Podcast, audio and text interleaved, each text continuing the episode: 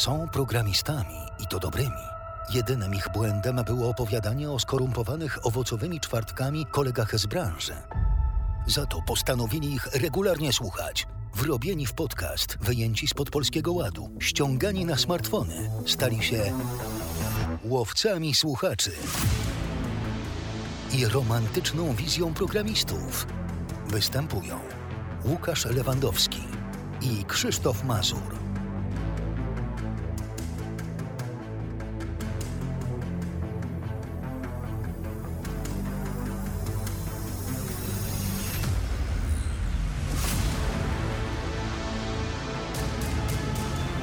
Czym kojarzy nam się bezpieczeństwo? A cyberbezpieczeństwo? Świat w coraz większym stopniu przenosi się do wirtualnej przestrzeni, a co za tym idzie, przenoszą się również takie zjawiska jak kradzieże czy oszustwa. W jaki sposób się przed tym chronić? Czy w ogóle da się? Czy jesteście tego świadomi? Posłuchajcie o kilku prostych krokach, dzięki którym polepszycie bezpieczeństwo swoje, waszych pieniędzy i danych. Sprawdźcie, żeby wasza obecność w internecie mogła być możliwie najlepiej chroniona i nienaruszona.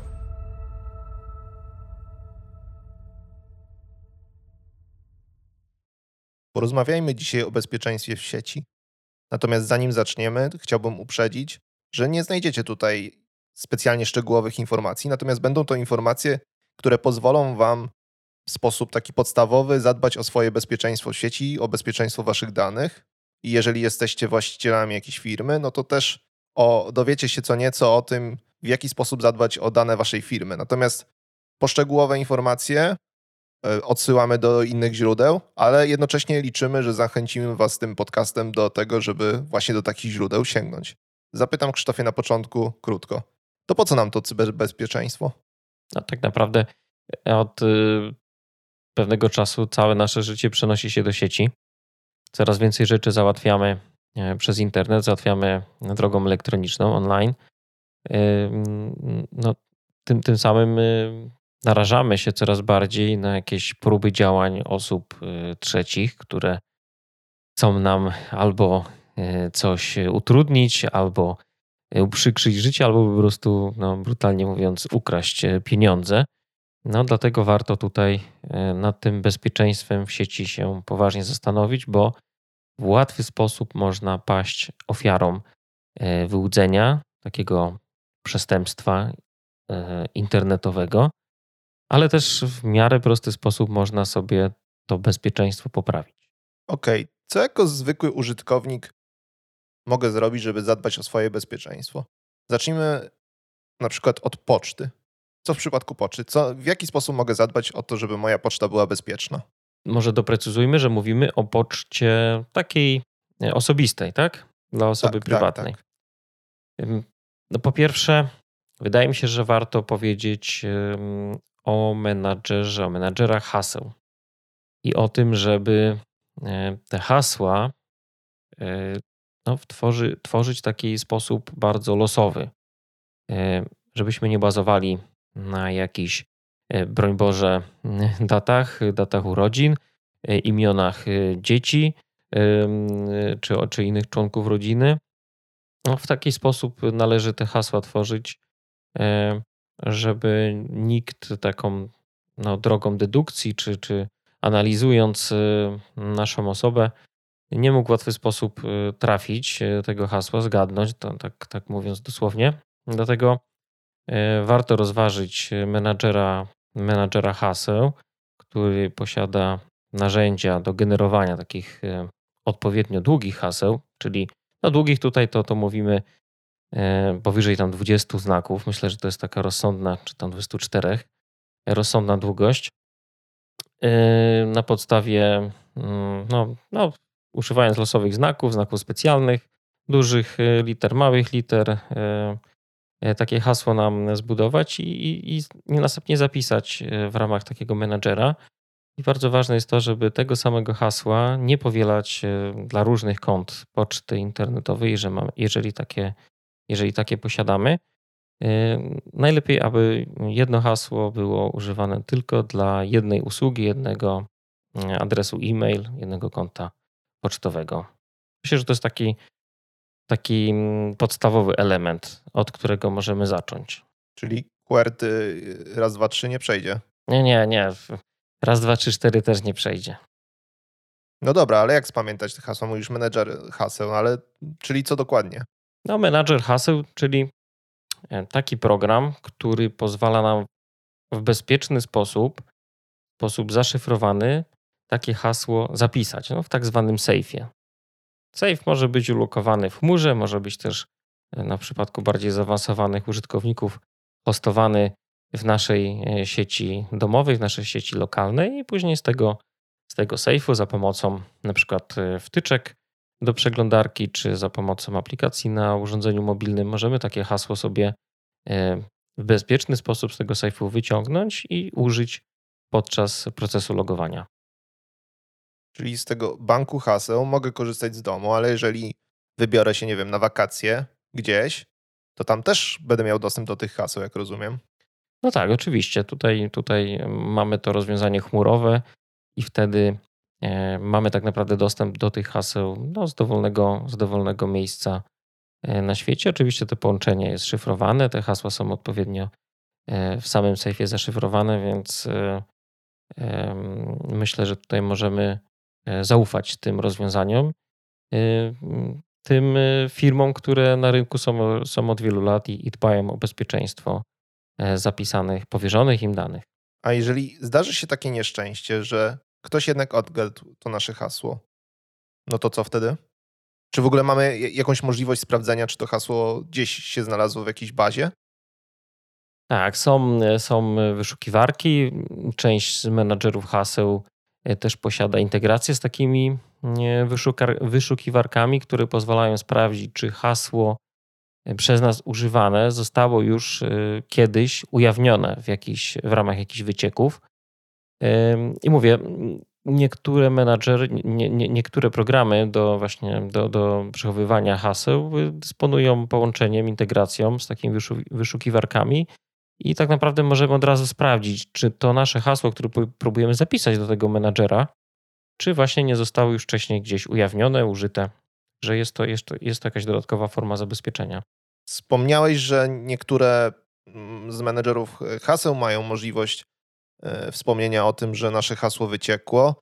Zdaje się, że przeglądarki też taką e, zyskały możliwość, ale też e, jest strona, z której kiedyś dosyć często korzystałem. Ona się nazywa Have I Been Ponet, która y, dostarcza nam informacji nie tylko, czy nasze hasło wyciekło, ale też w jakich okolicznościach, bo, bo y, pokazuje nam dokładną listę y, maili, które wyciekły i, i z jakich serwisów.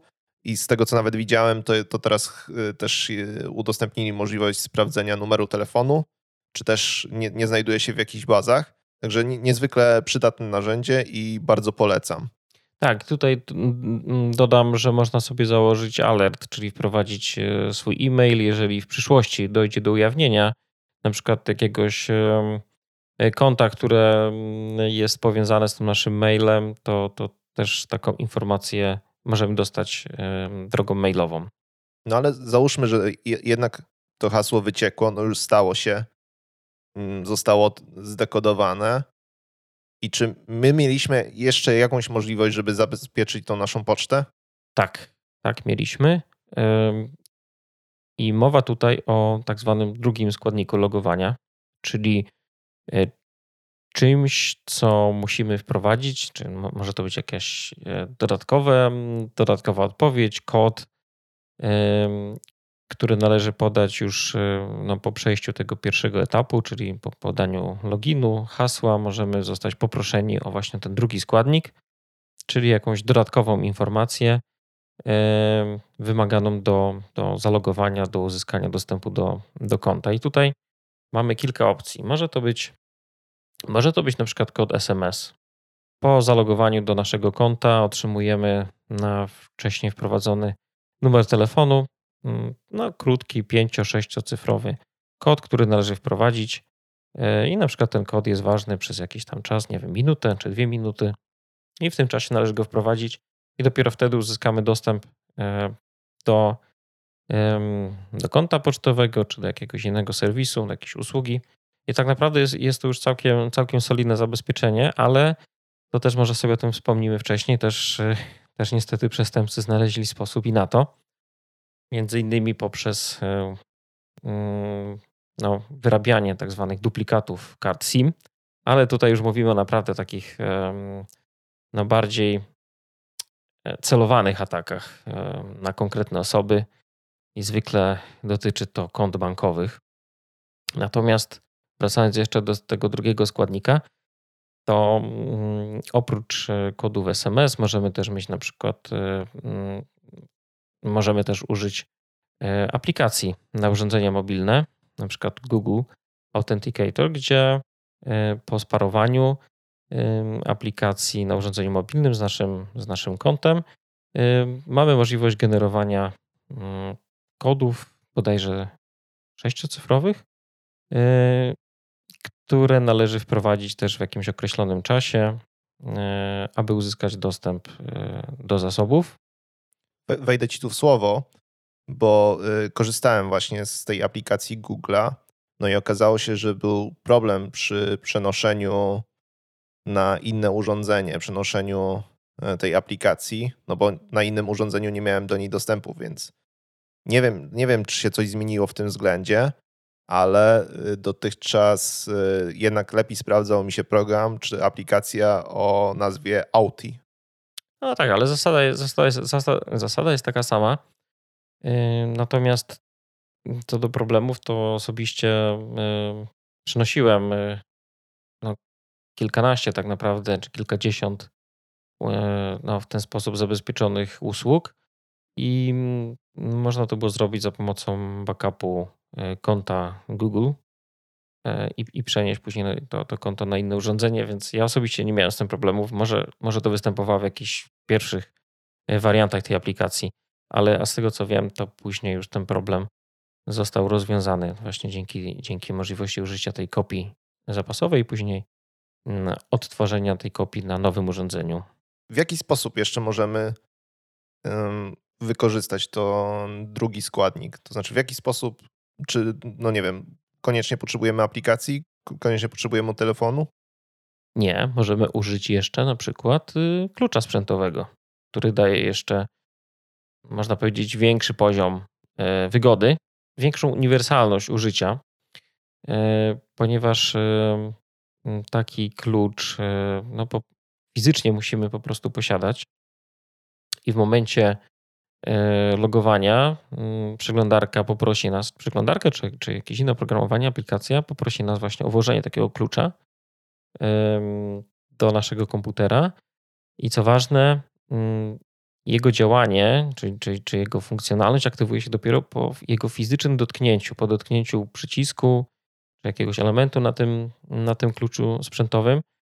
I dopiero wtedy klucz wygeneruje ciąg znaków, dłuższy, znacznie dłuższy, który zostanie zwalidowany przez, przez, przez aplikację, do której się logujemy. I jeżeli, jeżeli uzna, że, że te dane są poprawne, to dopiero wtedy uzyskamy dostęp e, do konta.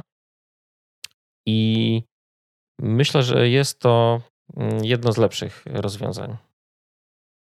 Przystajmy na chwilę przy tym rozwiązaniu. Jestem użytkownikiem, chciałbym rzeczywiście skorzystać z tego klucza. Na czym to polega? Co, co w ogóle muszę zrobić, żeby, żeby móc w taki sposób się autoryzować? No, po pierwsze musisz, y, no, no już zakupiłeś, tak? Posiadasz ten klucz, tylko najlepiej posiadać od razu dwie sztuki, no, ponieważ Dlaczego? Się, no, no istnieje ryzyko, że ten klucz zgubimy. I co wtedy? Y, warto, warto posiadać dwie sztuki. Oczywiście większość z aplikacji y, pozwala mm, użyć dodatkowej metody mm, do logowania w ramach drugiego składnika i nie musi to być drugi klucz, ale Osobiście polecam akurat mm, zakup od razu dwóch sztuk dla bezpieczeństwa. Mając już dwie sztuki takich kluczy, e, możemy e, dokonać e, ich sparowania z naszą usługą. No, zwykle aplikacja albo właśnie jakaś tam usługa posiada odpowiednią sekcję, gdzie zostaniemy poproszeni, no po wejściu w tą, w tą sekcję zostaniemy poproszeni o właśnie włożenie jednego klucza, sparowaniu później możemy dodać kolejny do, mm, klucz do sparowania, mm, który zostanie zapisany w ramach aplikacji, i później zamiennie możemy z tych dwóch kluczy już swobodnie korzystać. To takie pytanie mnie naszło. E, ono nie tyczy się tylko kluczy sprzętowych, ale generalnie wszystkiego tego, co wymieniłeś wcześniej. Czy każda aplikacja to wspiera? No niestety nie. Na przykład y, mnie osobiście bardzo boli, że, że banki nie wspierają kluczy sprzętowych. Na przykład mm, konto, konto Google, Facebook, tam nie ma z tym żadnych problemów. Nie wiem, hosting WVH, tak? Y, te wszystkie usługi jak najbardziej wspierają y, klucz sprzętowy, y, a na przykład banki nie. No ale na szczęście od jakiegoś czasu już jest wymóg drugiego składnika mm, podczas logowania do kont bankowych. Kiedyś, kiedyś jeszcze tego nie było. Chociaż się tak zastanawiam, czy wszystkie banki to zaimplementowały. Wiem, że mBank na pewno to zrobił i na przykład takim drugim, no jest taki, taki drugi składnik jest realizowany poprzez ich aplikację mobilną albo SMS bodajże. Wydaje mi się, że taki był wymóg prawny. Wymóg prawny, tak? Mhm. Czyli wszystkie banki jeszcze niekoniecznie mm, posiadają. Nie, nie, no wydaje mi się, że właśnie były Aha, zmuszone. Były zmuszone. Tego, też, też właśnie mi się wydaje i mm, no niestety szkoda, że nie wprowadzili tych kluczy sprzętowych, bo ja bym chętnie z tego skorzystał, bo bardzo istotne jest to, że właśnie e, klucz sprzętowy e, też działa tylko w momencie jego fizycznego dotknięcia, czyli jeżeli mamy włożony klucz do na przykład na stałe do urządzenia, to żaden keylogger go nie szczyta tak z automatu. On generuje tylko ciąg znaków w momencie, kiedy go fizycznie dotykamy. To też jest jakby kolejny tam poziom e, zabezpieczenia. No i poza tym jest bardzo wygodny, bo z takiego klucza sprzętowego możemy też korzystać zbliżeniową w przypadku urządzeń mobilnych. Nie musimy korzystać z USB. Możemy po prostu zbliżyć taki klucz e, do urządzenia, które obsługuje takie, taką komunikację zbliżeniową. No wydaje mi się, że w co nowszych urządzeniach takim kluczem sprzętowym jest nasza twarz. E, myślę, że tutaj nawiązujesz do takich e, rozwiązań od firmy z jabłuszkiem. Nie, to chyba też jest w Androidzie, że, że możemy, no, chyba w Apple się to nazywa oczywiście Face ID, mhm. ale to, to chyba ma jakiś odpowiednik też i na Androidzie.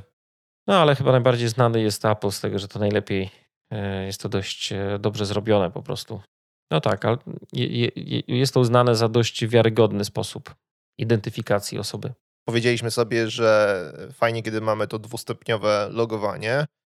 Jest ok, jeżeli mamy dość skomplikowane hasło, no ale załóżmy już, że mieliśmy po prostu takiego totalnego pecha, że no jednak dorwali się do tej naszej poczty.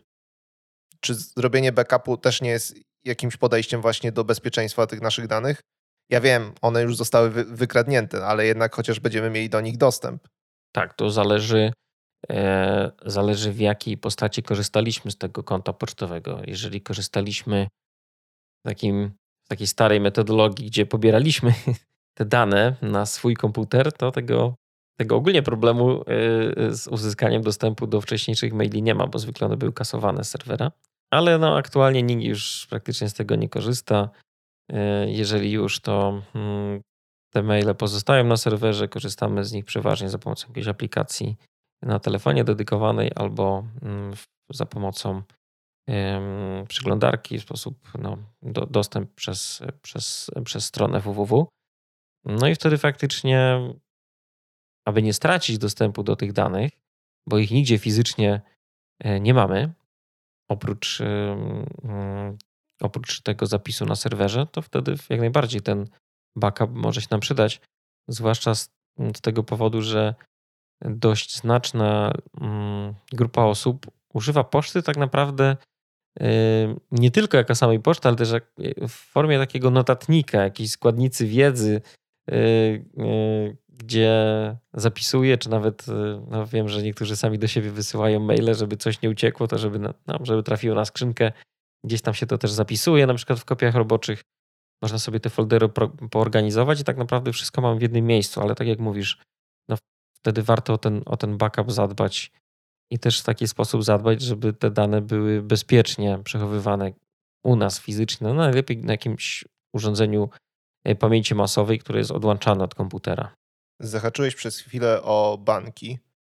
No to porozmawiajmy o naszym bezpieczeństwie finansowym. I nie mówię tutaj o stworzeniu sobie poduszki na trzy miesiące bezrobocia, ale o tym, jak zadbać o to, żeby nasze pieniądze nie trafiły do nigeryjskiego księcia, naszego krewnego, od którego mieliśmy otrzymać spadek, a tymczasem nasze pieniądze znalazły się hen hen gdzieś tam daleko. Co możemy zrobić, żeby nasze pieniądze były bezpieczne? Pierwsze, co mi przychodzi do głowy, no to to jest BIG. To jest taka, wydaje mi się, podstawowe narzędzie, które powinniśmy mieć w swoim portfelu. Czym jest BIG? No to jest to Biuro Informacji Kredytowej. E, takie narzędzie, można powiedzieć, instytucja stworzona przez polskie banki. Nawiasem mówiąc, uważam, że to powinna być instytucja stworzona przez polskie państwo. To zdecydowanie się z Tobą e, zgodzę. To zarówno w kwestii tego, że warto z tej usługi skorzystać, jak i z, z tym się zgodzę, że to powinno być świadczone tak naprawdę przez państwo. Państwo powinno nam zabezpieczyć, zadbać o to, żeby nikt niepowołany na nasze dane nie brał y, po prostu kredytów, nie zaciągał kredytów, bo tak naprawdę tutaj o to się, o to się właśnie rozchodzi, że to Biuro Informacji Kredytowej pozwala wysłać nam alert w sytuacji, gdy ktoś próbuje użyć naszych danych do sprawdzenia naszej zdolności kredytowej lub zawarcia umowy y, kredytu lub y, pożyczki. Tak, tam jest kilka tych pakietów właśnie, które które można wykupić. One tam też obejmują informacje o tym, o naszej zdolności kredytowej i tak dalej, i tak dalej. Ale ten podstawowy pakiet właśnie nas informuje o tym, że ktoś w tej chwili próbuje odpytać o nasze dane.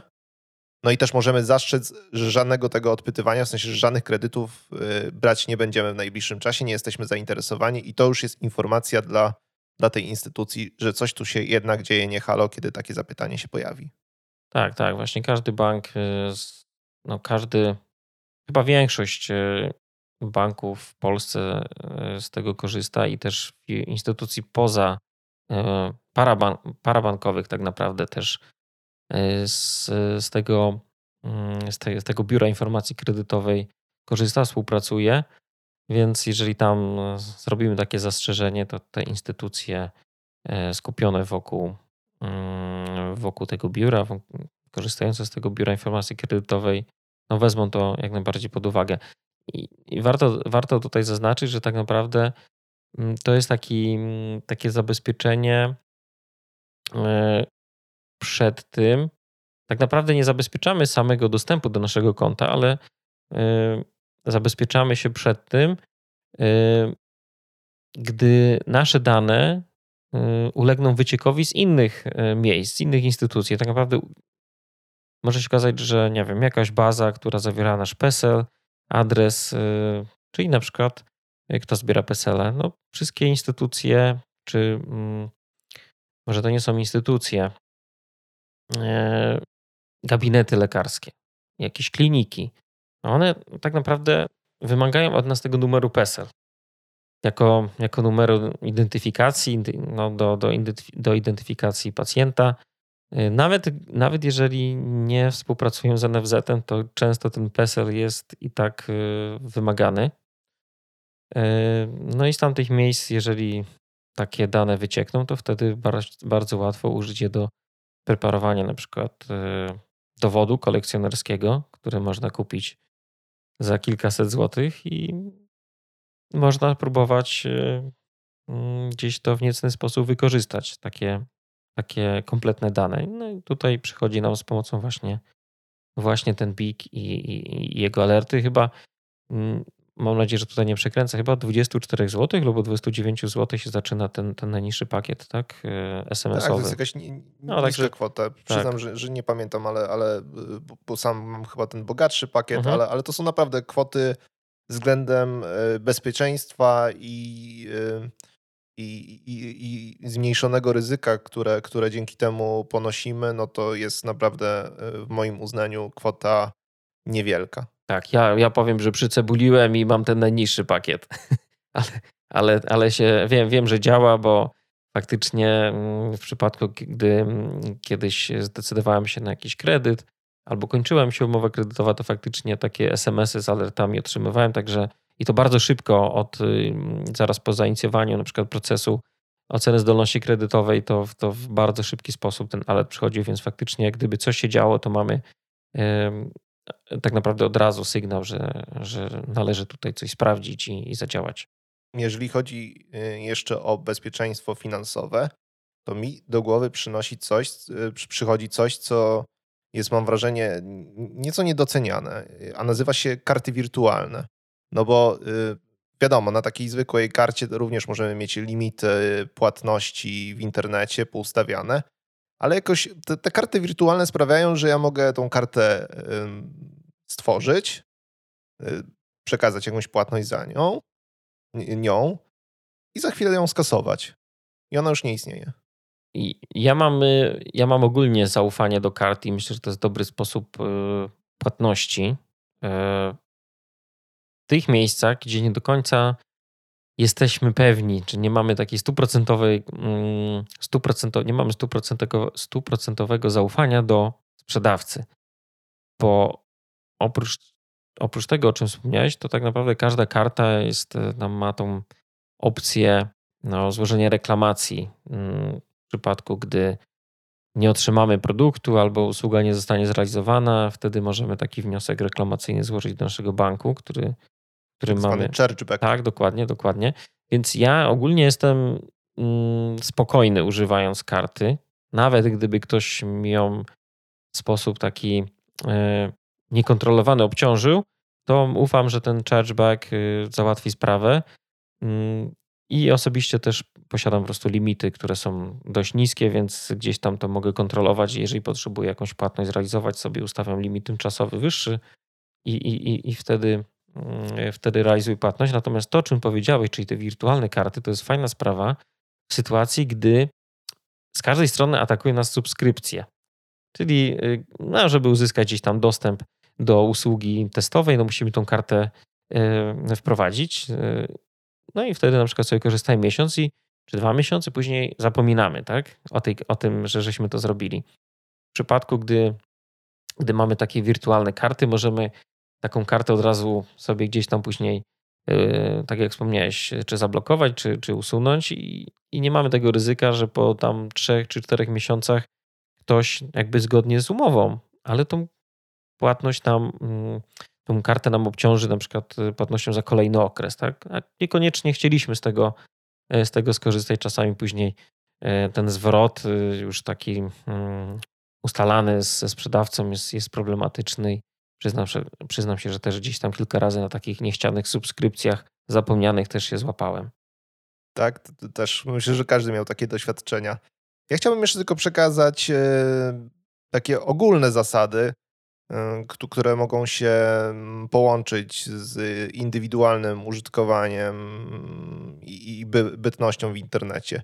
No bo na przykład tak zwana zielona kłódka. Ja pamiętam, że, że, że, kiedyś pojawiały się takie medialne informacje, że jak jest ta zielona kłódka, to to już to połączenie jest na pewno bezpieczne. No ono jest na pewno bezpieczne, ale intencje, jakie stoją za tym połączeniem, no to już mogą być niekoniecznie krystaliczne i y, może się okazać, że inaczej mówiąc, y, certyfikat y, z Let's Encrypta to owszem, daje nam zieloną kłódkę w adresie, ale, ale nie daje nam gwarancji tego, że po drugiej stronie stoi uczciwy kontrahent. E, wiesz, e, są też różne poziomy tej certyfikacji. Tak, tak jak powiedziałeś, ten najbardziej podstawowy tak, na, tak naprawdę gwarantuje nam zaszyfrowanie tego tego połączenia, natomiast nie wiemy, kto jest na końcu tego połączenia. Ale jeśli chodzi o, jeśli chodzi o certyfikaty, to też istniała możliwość no, zweryfikacji e, spółki, na przykład, na którą ten certyfikat był wystawiony, więc to też poprawiało wiarygodność tego połączenia. Więc wtedy mieliśmy tak naprawdę wiedzę, że ten certyfikat jest wystawiony E, dla konkretnej spółki, czyli w teorii przynajmniej jakaś walidacja też tego podmiotu pod kątem istnienia faktycznie w jakimś rejestrze czy w karesie no, miała miejsce, więc jest tutaj już to ryzyko w jakiś sposób ograniczone. No tak. Natomiast y, a propos, a propos tych kłódek, certyfikatów, to też należy uważać na, na SMS-y, które, które możemy gdzieś tam otrzymać, czy maile, które prowadzą do stron, które wyglądają bardzo podobnie do stron banków czy, czy, czy poczty, i tam teoretycznie właśnie mamy tą kłódkę, natomiast ten adres jest tak spreparowany, że on na przykład będzie się delikatnie różnił od tego oryginalnego, ale w taki sposób, że y, osoba, która nie ma doświadczenia, może tego tak naprawdę nie zauważyć, bo może być to jakiś ukryty znak, pusty znak, bo też mamy teraz takie domeny ze znakami specjalnymi.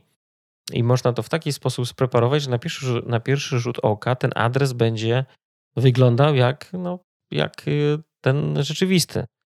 I będzie to tylko nieznaczna różnica.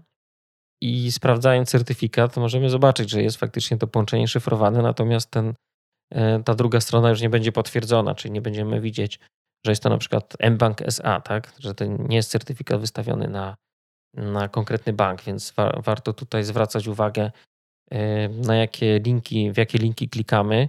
Jeżeli chcemy wejść na stronę banku, czy zalogować się na pocztę, do, do, do poczty e-mail, to najlepiej to wprowadzić e, ten adres po prostu z ręki i nie korzystać z takich linków. E, wtedy mamy tą gwarancję, że, że to, co wpiszemy w okno e, przeglądarki, to tę stronę otworzymy.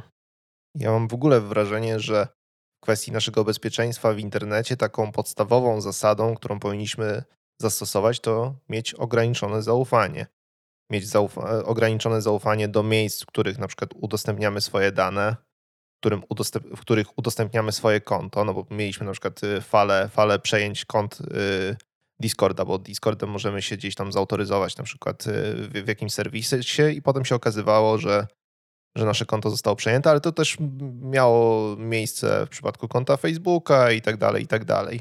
Generalnie mieć ograniczone zaufanie do miejsc, gdzie jesteśmy, a już szczególnie w momencie, kiedy w teorii mamy dostać, dostać coś za darmo.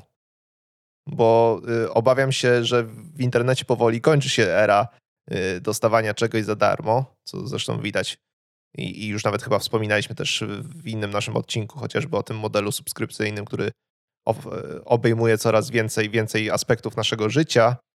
Naprawdę bądźmy ostrożni, względem tego, co, co udostępniamy. To tak samo ma, ma zastosowanie w przypadku aplikacji na telefon.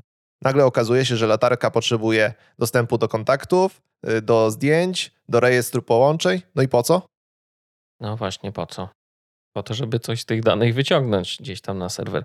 Ja jeszcze tylko, jeszcze tylko dopowiem, bo tutaj powiedziałem o tym adresie w przeglądarce, ale y, to też, y, też oczywiście, tak jak powiedziałeś, trzeba mieć no, cały czas to ograniczone zaufanie, bo w teorii też możemy takie rekordy gdzieś w serwerach y, DNS podmienić na jakiś inny adres i, i wpisując na przykład w przeglądarce y, jakąś domenę, możemy trafić realnie na inną stronę, ale wtedy, no, wtedy właśnie ten certyfikat może już nie działać prawidłowo, więc jest szansa, że, że uda nam się gdzieś to E, wyłapać, ale tak naprawdę na każdym kroku, jeżeli będziemy wchodzić coraz głębiej, to są jest tyle możliwości, no niestety tyle możliwości działania dla takich internetowych przestępców, że no, można by się doktoryzować już tak naprawdę.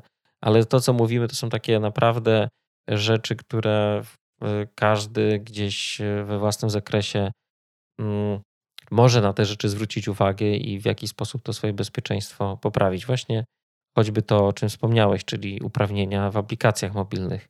To jest y, nagminne, no dość powszechne, że takie proste, darmowe aplikacje żądają dostępu do, do no praktycznie żądają nieograniczonego dostępu do czy to jakichś czujników yy, chociażby, czy do położenia naszego.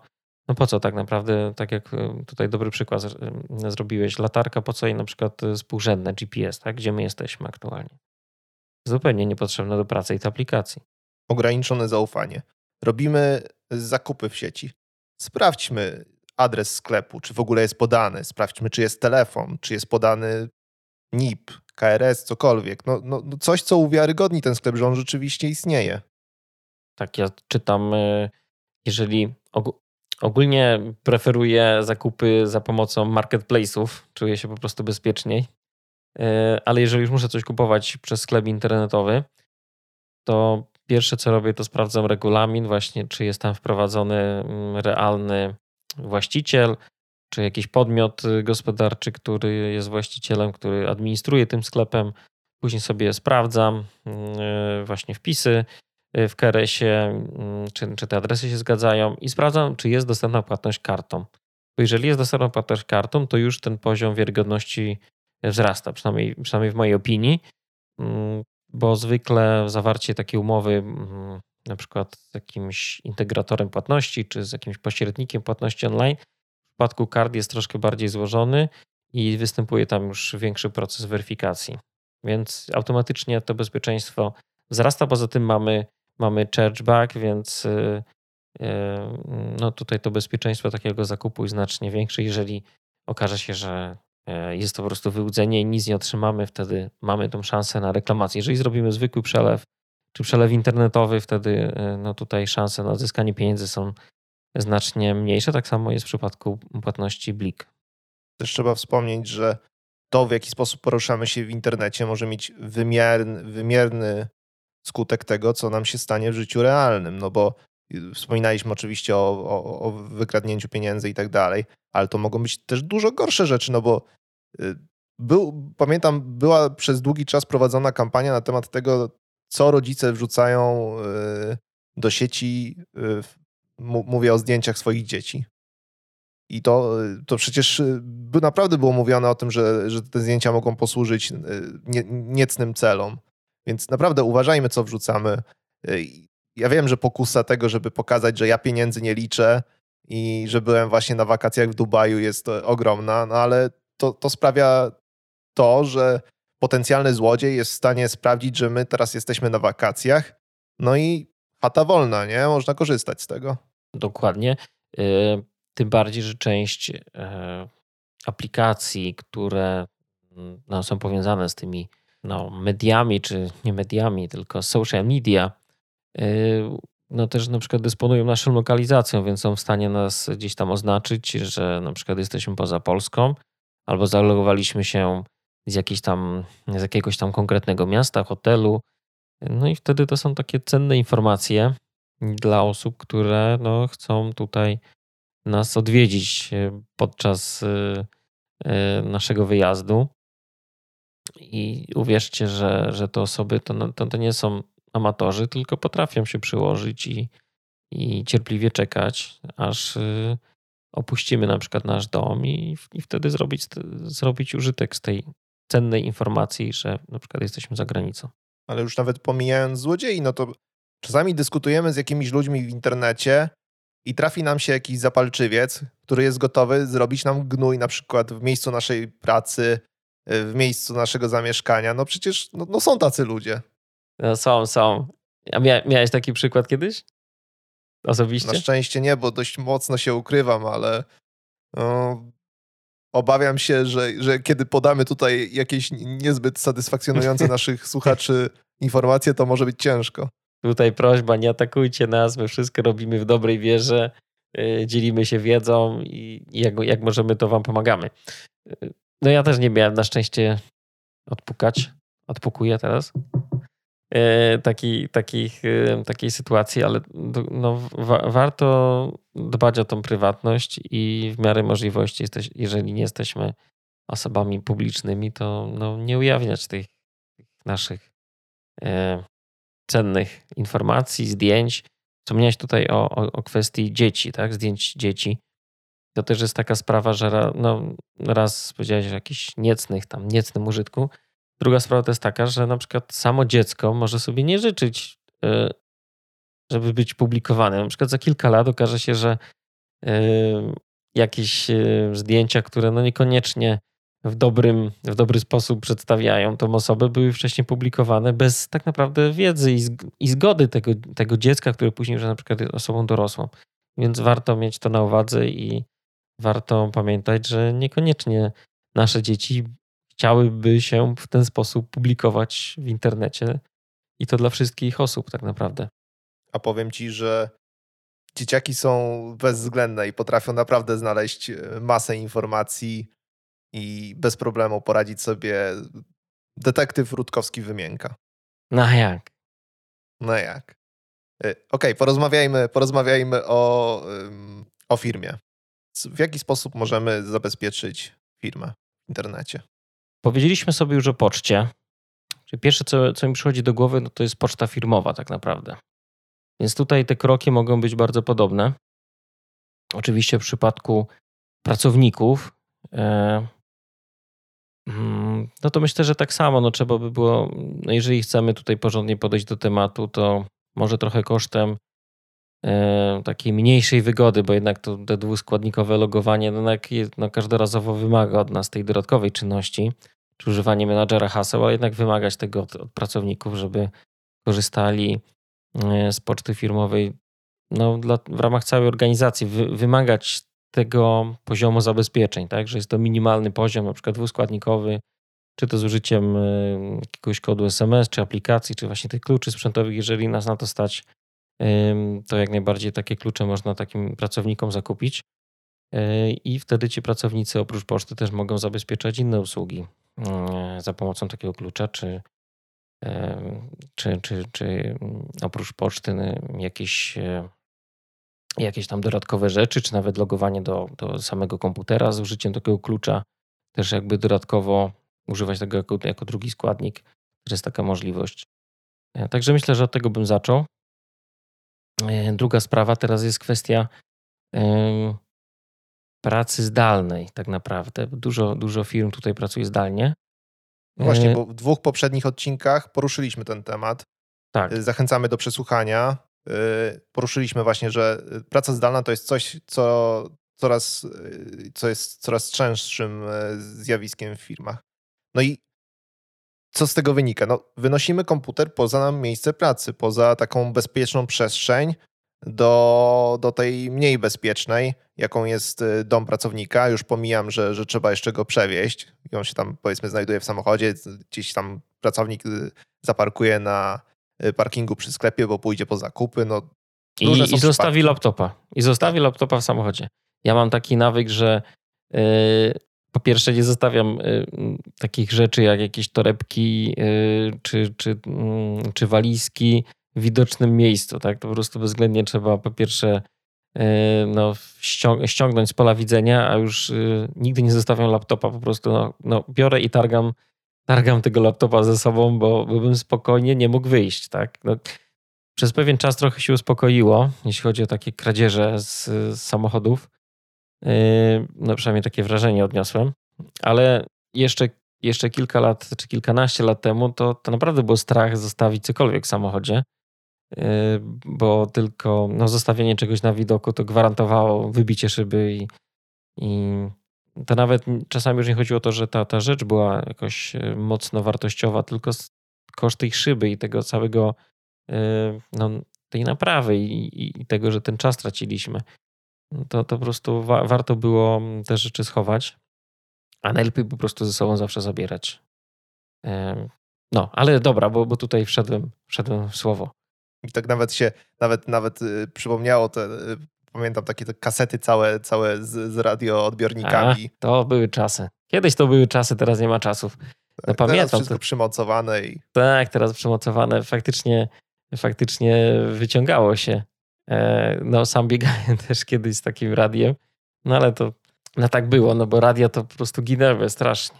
Okej, okay, ale co, co możemy zrobić w ogóle z takim komputerem, który pracuje w, w, domu pracownika? Co możemy zrobić? Po pierwsze, jeżeli ten pracownik wynosi ten komputer, to ja myślę, że poszedłbym tutaj zdecydowanie w szyfrowanie, szyfrowanie dysku po pierwsze. E, żeby podczas właśnie takiej sytuacji, że nie daj Boże zostawi ten, ten, ten, ten komputer, ten laptop e, gdzieś tam w samochodzie, ktoś to ukradnie, żeby tych danych, które na tym komputerze są, no nie mógł w sposób taki prosty odczytać, bo wiadomo, są, są różne sposoby. To też zależy, jakie, z jakim szyfrowaniem mamy do czynienia, jak to jest dobrze, dobrze przygotowane, ale generalnie możemy stwierdzić, że te dane są już w jakiś sposób zabezpieczone i nie są publicznie, czy nie będą mogły być w łatwy sposób publicznie użyte później, tak? Więc y, od tego, od tego bym zaczął. E, później kwestia samego połączenia z firmą. Jeżeli, jeżeli już taka praca zdalna się odbywa, no to tylko, tylko za pomocą, no, z użyciem VPN, czyli połączenia e, z no, taką wirtualną siecią prywatną, Yy, znaczy, tak naprawdę mamy gwarancję, że, że to nasze połączenie, no tak realnie w praktyce to wygląda tak, jakbyśmy byli wpięci w sieć lokalną firmy, więc możemy korzystać ze wszystkich zasobów, a to nasze połączenie z organizacją, z firmą jest szyfrowane, więc możemy uznać je za bezpieczne. I to, to myślę, że taki jest podstawowy, podstawowy zestaw, no i do tego firewall, wiadomo, tak, no ale to już, to już jest kwestie takie, no już może wchodzimy w takie szczegóły techniczne. Generalnie y, powinno się to przekazać y, albo działowi, no jeżeli taki dział posiadamy w firmie, który jest za to odpowiedzialny, żeby odpowiednio takie komputery przygotował, jeżeli nie, to skorzystać z zewnętrznej firmy IT, która taki komputer pod kątem właśnie czy szyfrowania, połączenia VPN, czy firewalla odpowiednio skonfiguruje i, i przekaże do użytkowania. Wspominałeś o szyfrowaniu danych, ale tak sobie myślę, że nawet sam pracownik może do tego podejść odpowiedzialnie i przechowywać jak najmniej wrażliwych danych na, na komputerze. I, I tak patrząc nawet od strony nas, programistów, to błagam, żadnych baz produkcyjnych na lokalnym komputerze. Tak, tak. Nie trzymamy tych rzeczy. Najlepiej po prostu wpiąć się zdalnie do, do tych zasobów, y, które są, załóżmy, w, w ramach organizacji na no, no gdzieś, gdzieś w jakichś serwerach firmowych. Po prostu podłączać się wtedy. Ściągamy z siebie tą odpowiedzialność. Nawet jeżeli mamy ten dysk szyfrowany, to jednak gdzieś tam z tyłu głowy by się działo, tak? Że, że, że ta baza na przykład była ściągnięta, bo musieliśmy coś sprawdzić no, mogliśmy się, mogliśmy poprosić na przykład wtedy o, o jakąś kopię takiej bazy, żeby ona gdzieś była ulokowana na serwerze firmowym i, i, i po prostu się do takich danych y, podpinać. Wtedy mm, to ryzyko, tak jak, tak jak wspomniałeś, e, ograniczamy i myślę, że to jest bardzo, bardzo dobre podejście. Zresztą osobiście ja naprawdę, jeżeli mm, coś, coś no, pracuję nad czymś, to tak naprawdę nie muszę posiadać tych danych u siebie. Tak? Mogę, mogę tą pracę e, realizować y, w taki sposób, że tylko łączę się do tych, mm, do tych zasobów właśnie za pomocą sieci VPN. Nawet, y, nie wiem, jeżeli rzeczywiście już potrzebujemy tych danych z bazy produkcyjnej, no to poprośmy dział, niech, niech zrobi nam obok kopię. No, połączmy się do tego, nie korzystajmy naprawdę z czegoś, co, co potem może kosztować firmę naprawdę duże pieniądze. No i tak, i możemy też rzeczywiście dodatkowo te dane anonimizować. Wtedy, wtedy możemy że tak powiem, no, pracować y, czy testować nasz program czy aplikacje na w miarę realnych danych, ale które są w taki sposób obrobione, że nawet ich ujawnienie nie będzie nikomu krzywdy wyrządzało. Jeżeli chodzi o, o odpowiedzialne podejście użytkownika, naszego pracownika, no to nie wiem, korzystamy z jakiegoś Slacka, z Discorda, nie udostępniajmy na tym, na tym haseł, nie udostępniajmy wrażliwych danych, rozmów z klientami i tak dalej, i tak. To są rzeczy, które bardzo łatwo wypłyną. Jeżeli już musimy wysłać jakieś hasło czy coś w tym stylu, no to skorzystajmy, nie wiem, z Bitwardena, skorzystajmy z Signala, ale nie na, ta, nie, nie na Discordzie. Zgadza się, zgadza się, bardzo istotna sprawa. Na szczęście też y, a propos Discorda, też tam jest możliwość ustawienia drugiego składnika, co też może podwyższyć e, poziom bezpieczeństwa. Mm, ale coś tutaj, coś tutaj chciałem powiedzieć. Może, mo, może przejdźmy dalej e, i jeszcze spróbuję do tego tematu wrócić. Ja, ja mam takie wrażenie, że kluczowe są e, trzy podstawowe rzeczy. One się nazywają testy, testy, testy. To znaczy, w momencie, kiedy firma w jakiś sposób testuje to swoje bezpieczeństwo, to być może nie będzie gotowa na wszystkie aspekty tego, co się może stać, ale będzie przynajmniej gotowa na te podstawowe, na te, które sama gdzieś tam wymyśliła, że się mogą stać. Wiadomo, że tak naprawdę trochę, trochę jak polecę Szymborską, y, ile, tego jesteśmy pewni, ile nas sprawdzono, ale no, bądźmy w jakiś sposób przewidujący do te, co do tego, co się może stać. Mm, tutaj masz na myśli na przykład jakieś e, plany działania, tak, na wypadek ewentualnych problemów też, czy, czy procedury postępowania, też testowanie wtedy według, na testowanie tych procedur tak naprawdę. Tak? To, to, to, to miałeś na myśli? Również, ale też, też miałem e, w głowie testy obciążeniowe, no bo Aha, one jasne, przecież okay. też wpływają na, na, na to, na, no, to, na bezpieczeństwo mm -hmm. naszych danych, ale też przecież Aha, jest penetracyjne, cała... jasne, jasne, okej, okay, bo tutaj źle, źle cię zrozumiałem, jasne, no tak, no testy, już mówimy tutaj o bezpieczeństwie samych aplikacji też, tak, y, które na przykład tworzymy, to też jest, y, no to już jest chyba odrębny temat też, możemy kiedyś o tym, o tym pomówić, ale jeszcze już mi się przypomniało, co chciałem powiedzieć, bo mówiliśmy, mówiliśmy o kwestii firmy, to też y, i właśnie wspomniałeś o, o, udostępnianiu haseł za pomocą Bitwardena, że możemy takie hasła wysłać, ale też warto powiedzieć, że menadżery haseł też mają możliwość takiej pracy grupowej w ramach organizacji. Możemy różne poziomy dostępu sobie ustawić i, i grupowo pracować, czy na jakichś zasobach z hasłami, czy z jakimiś danymi wrażliwymi, które udostępniamy poszczególnym grupom pracowników i możemy mm, te uprawnienia no, modyfikować jako administrator, udostępniać danej osobie albo, albo zabierać ten dostęp, więc też są, też są takie fajne możliwości udostępniania takich danych wrażliwych czy, czy haseł, kont firmowych, z których korzystają różni pracownicy. To jest swoją drogą y, świetnie to zahacza o to, co chciałem y, teraz poruszyć, y, bo mówisz o możliwości odłączenia. No właśnie, procedury. Czyli co na przykład czynimy w momencie, kiedy pracownik odchodzi z naszej firmy, no bo on miał jakąś wiedzę, miał dostępy i musimy mieć wypracowany jakiś schemat działań na temat tego, co robić, kiedy pracownik odchodzi, kiedy kiedy straci tak naprawdę, kiedy powinien stracić dostęp do tych, do tych naszych e, danych, ale też e, mówię o, o całym, całym takim kompleksowym rozwiązaniu procedur dla każdego rozwiązania.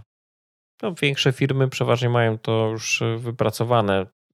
To też, to też wynika z tego, że często no, posiadają jakieś certyfikaty jakości czy organizacji pracy, które no, te, no, skutkuje to tym, że muszą właśnie te procedury mieć opracowane, e, żeby je zdobyć. Więc tam wygląda to lepiej. W przypadku mniejszych firm, wiadomo, to, to już e, no, trzeba o tym, trzeba, trzeba o to zadbać. I to jest bardzo wygodne właśnie w takiej sytuacji już e, awaryjnej. Wtedy nie musimy się zastanawiać, co robić, bo mamy to wszystko opracowane i, i nie tracimy czasu na, nad zastanawianiem się, co dalej, tylko realizujemy te konkretne kroki, a to może realnie nam pomóc y, w zabezpieczeniu i na przykład ukróceniu jakiejś sytuacji mm, wrażliwej, czy tutaj no, zagrażającej mm, danym, czy, czy, czy ogólnie, czy firmie, czy jakiejś, e, e, czy na przykład no, do, w przypadku nieautoryzowanego dostępu nie wiem, do konta firmowego, tak, to też takie sytuacje przecież mogą być, więc fajnie, fajnie mieć takie gotowe rozwiązania. I to tak naprawdę tyczy się każdej dziedziny życia, jeżeli mamy jakiś schemat opracowany działania, to później łatwiej jest nam w przypadku takiej sytuacji y, trudniejszych reagować. Tak, taki plan awaryjny, no bo on się przecież też w kontekście firmy e, liczy, jeżeli mówimy chociażby o bezpieczeństwie energetycznym, nie? no bo e, przecież dane mogą nam zniknąć również dlatego, że zabrakło prądu. Albo Mm, dlatego że spaliła się serwerownia e, e, e, czy, czy jakiś serwer konkretny, więc tak, warto mieć takie procedury opracowane, czy to w kwestii backupów, czy, czy innych elementów i usług, z których korzystamy. A to też jest ciekawe, co powiedziałeś. No bo mamy backupy, ale trzymaliśmy je w serwerowni. No mamy backupy i trzymaliśmy je w tej samej serwerowni, gdzie, gdzie były która serwery. Tak?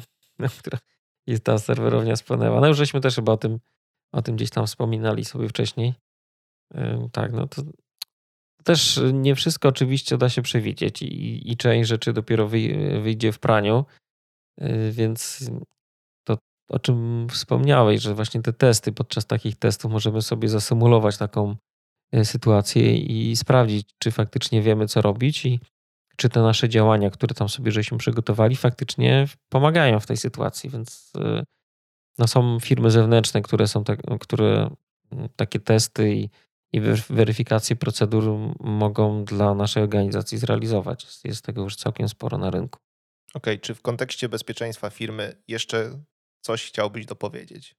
Mhm, zastanawiam się. Jak jeszcze sobie, jak mi coś do głowy przyjdzie, to spróbuję, e, spróbuję dodać, ale to myślę, że A i tak ja jest... nie zostawię dużo czasu. Oj, no i tak chyba już całkiem, e, całkiem sporo tutaj sobie powiedzieliśmy jako taki w ramach takiego wprowadzenia oczywiście do, do bezpieczeństwa, bo mówimy tutaj o takich w miarę podstawowych informacjach. Ja mam wrażenie, że przez całą naszą rozmowę, zresztą ja już to e, raz użyłem tego stwierdzenia, ale że przez całą rozmowę przewijało się to miej ograniczone zaufanie. Żeby, żeby cały czas mierzyć się z tym, że coś może pójść nie tak. To tak naprawdę możemy mieć ograniczone zaufanie, jak, jak podczas poruszania się samochodem, tak? Do, do innych użytkowników ruchu drogowego. To jest tutaj dokładnie taka sama sytuacja. No, nie możemy, nie możemy mieć nigdy stuprocentowego zaufania i też nie można popadać w rutynę, że jeżeli regularnie na przykład dostajemy maila z fakturą od jakiejś firmy, to warto, warto na przykład robiąc, e, robiąc przelew, no dokładnie sprawdzać te dane, które tam zostały w tej fakturze wysłane. Czy czasami to nie jest jednak fake i, i ktoś nie podmienił nam, nie przygotował faktury z maila z fakturą w, załączniku, tylko z innym numerem konta, tak? Czy to jest ten sam numer konta, który zwykle używaliśmy. To są takie proste rzeczy, Mm, I, i, i, I warto tak naprawdę każdorazowo e, te dane dokładnie sprawdzać. Jeżeli mam jakąś wątpliwość, to warto się wcześniej skontaktować e, z kontrahentem, czy, czy z drugą stroną, czy, czy z naszym um, usługodawcą, klientem, czy z bankiem i taką wątpliwość konsultować. To nic nie kosztuje, a może nam oszczędzić czasu i pieniędzy. I niesamowicie dużo nerwów. Oj tak, nerwy nerwy bywają straszne w takich sytuacjach. Myślę, że udało nam się nieco wprowadzić naszych słuchaczy w wątek bezpieczeństwa w sieci. Cieszymy się, że, na, że byliście razem z nami i witamy się i żegnamy, ale też słyszymy za tydzień. Dzięki bardzo. Zapraszamy do kolejnego odcinka romantycznej wizji. Pozdrawiam.